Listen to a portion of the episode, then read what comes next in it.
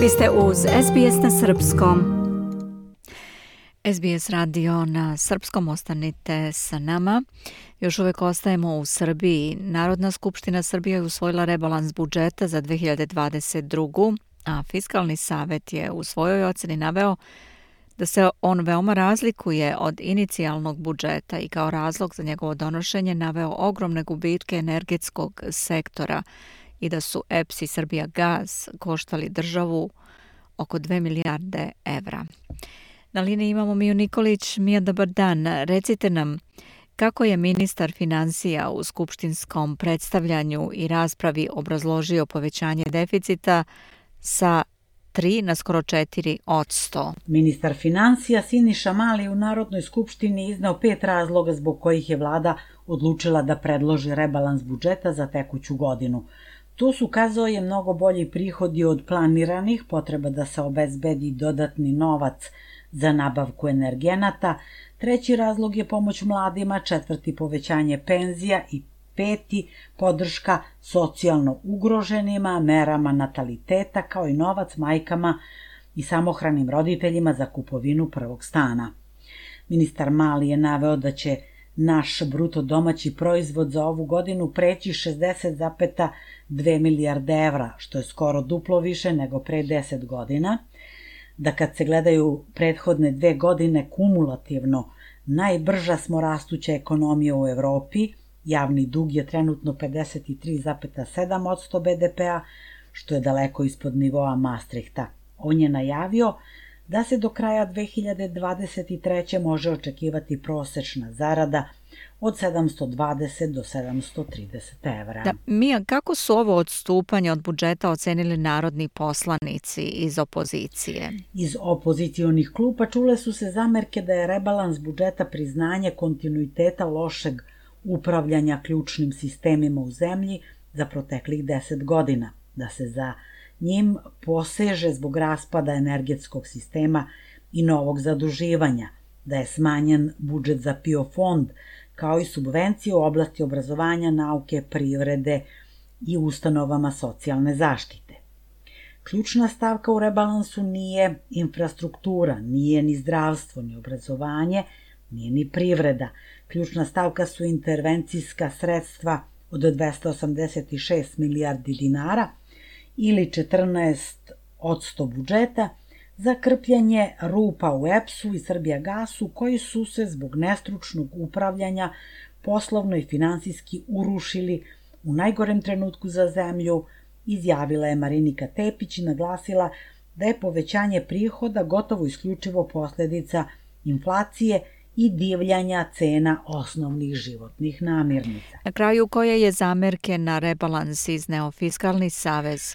Fiskalni savet u svojoj analizi ukazuje da rebalans budžeta predviđa povećanje deficita sa 3 na skoro 4 od 100 BDP-a, a glavni razlog za to su ogromni gubici državnog energetskog sektora. U odnosu na prvobitni budžet za 2022 kako se navodi u analizi ovog nezavisnog državnog organa, rebalans donosi neuobičajeno velike promene i na strani prihoda, ali i rashoda. Prihodi su veći za 1,6 milijardi evra, a rashodi za čak 2,3 milijarde evra. Dok toga je umesto planiranog minusa u republičkom budžetu od 1,7 milijardi evra deficit povećan na 2,4 milijarda evra. Fiskalni savet navodi tri glavna razloga za to. Snažno ubrzanje inflacije, unošenje u budžet velikog broja rashoda koji nisu planirani, ali i finansiranje ogromnih gubitaka javnih preduzeća iz energetskog sektora, koji su najvažnija budžetska promena. Da nema velikih izdataka za Srbija gas i elektroprivredu Srbije, budžet Srbije bi imao deficit manji od 2%. Takav rezultat bi se uz sve zamerke na pojedine ekonomske politike i na već uobičajeni manjak transparentnosti mogao u načelu oceniti povoljno, ističe se u ovoj analizi. Fiskalni savet ocenjuje da je ovogodišnji budžetski trošak usled gubitaka ova dva javna preduzeća, uključujući garancije nekih milijardu i po evra, a da bi on do kraja godine mogao da bude još veći. I kad se na to dodaju troškovi koje država za iste namene e, već imala krajem 2021. vidi se da su EPS i Srbija gas već koštali budžet oko 2 milijarde evra, a izvesno je da će se ovi rashodi nastaviti u 2023. U slučaju Srbija gasa odgovornost je podeljena između nekontrolisanih spoljnih okolnosti domaćih politika vlade i dugogodišnjeg lošeg upravljanja preduzećem.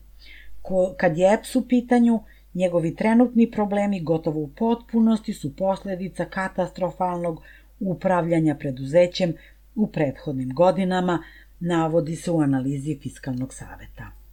Kao loša karakteristika rebalansa ističe se njegova netransparentnost, naročito u delu koji se odnosi na izdatke za javna energetska preduzeća, načelno dobra strana je to što se zadržavaju velika izdvajanja za javne investicije koja će iznositi 7,5% BDP-a. Fiskalni savet ističe i povećanje prihoda za skoro 200 milijardi dinara, što je neuobičajeno velika promena. Glavni činilac koji stoji iza ovog povećanja je snažno ubrzanje inflacije, jer kad e, proizvodi i usluge poskupe, veći je i porez koji država ubira od njih, naglašava se u analizi, a ukazuje se i na povećanje rashoda za robne rezerve sa oko 40 na više od 330 miliona evra. Ovo povećanje za čak 6 do 7 puta u odnosu na uobičajeni godišnji nivo od oko 50 miliona evra, kao i u odnosu na prvobitni budžetski plan, nameće pitanje o mogućim problemima u funkcionisanju postojećeg sistema robnih rezervi, navodi se u analizi Fiskalnog saveta. Toliko za danas. Hvala Mija. Bila je to naša saradnica iz Srbije, Mija Nikolić. Ostanite sa nama, slušate program na srpskom. Ja sam Biljana Ristić. Želite da čujete još priča poput ove? Slušajte nas na Apple Podcast, Google Podcast, Spotify ili odakle god slušate podcast.